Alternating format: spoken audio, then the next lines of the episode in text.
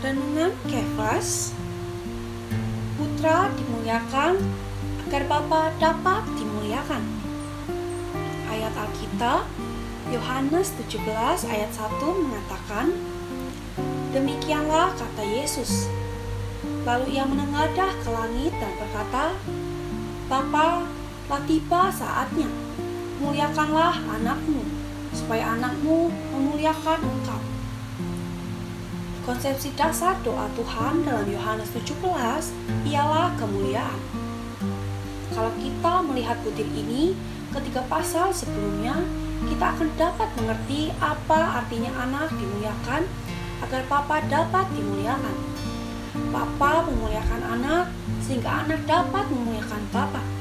Inilah saling memuliakan antara anak dengan Papa. Kalau Papa memuliakan anak, maka anak akan memuliakan Bapa. Ketetapan kehendak kekal Allah, maksud tujuan Allah yang terakhir ya untuk menyatakan, mengekspresikan dirinya. Sebagaimana telah saya tunjukkan beberapa kali di masa lampau, kemuliaan berarti ekspresi dimuliakan ialah dinyatakan dan diekspresikan.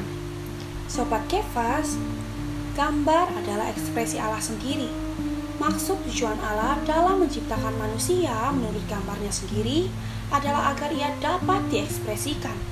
Tuhan Yesus ialah Allah yang berinkarnasi menjadi manusia untuk menyatakan Allah yang tidak kelihatan.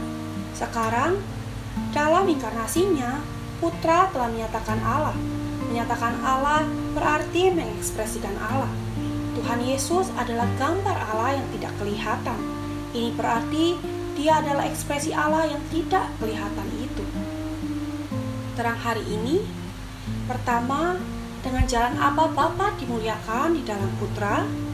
Kedua, apa yang kita lakukan hari ini untuk Dia semakin dimuliakan di dalam diri kita. Poin doa, berdoa agar Allah dapat terus dimuliakan di atas setiap diri kita, pribadi demi pribadi.